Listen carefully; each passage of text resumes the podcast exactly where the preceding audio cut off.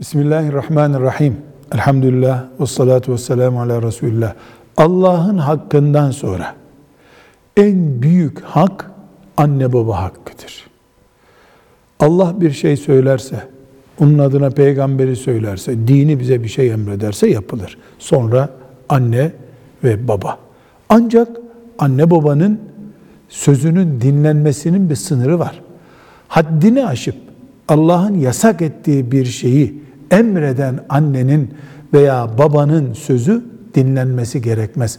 Allah'a isyan olan bir işte Allah'ın kuluna itaat edemeyiz. Anne ve baba bu nedenle oğlunun memurluğunu veya maaş bordrosunu kullanıp kredi almasını yani faize bulaşmasını emrediyor, ısrar ediyor, beddua edeceğini söylüyor ise bunların hiçbir değeri yok. Beddua da etse, evden de kovsa, aç kalmadıkça anne baba ve başka türlü de doyması mümkün değil ya da açıkta kaldı, sokakta kaldı, başka türlü ev bulamıyoruz.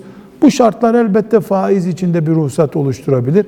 Bunun dışında oğlunun bordrosunu, maaş bordrosunu kullanıp faiz alması için baskı yapmasının hiçbir bağlayıcılığı yoktur. Velhamdülillahi Rabbil Alemin.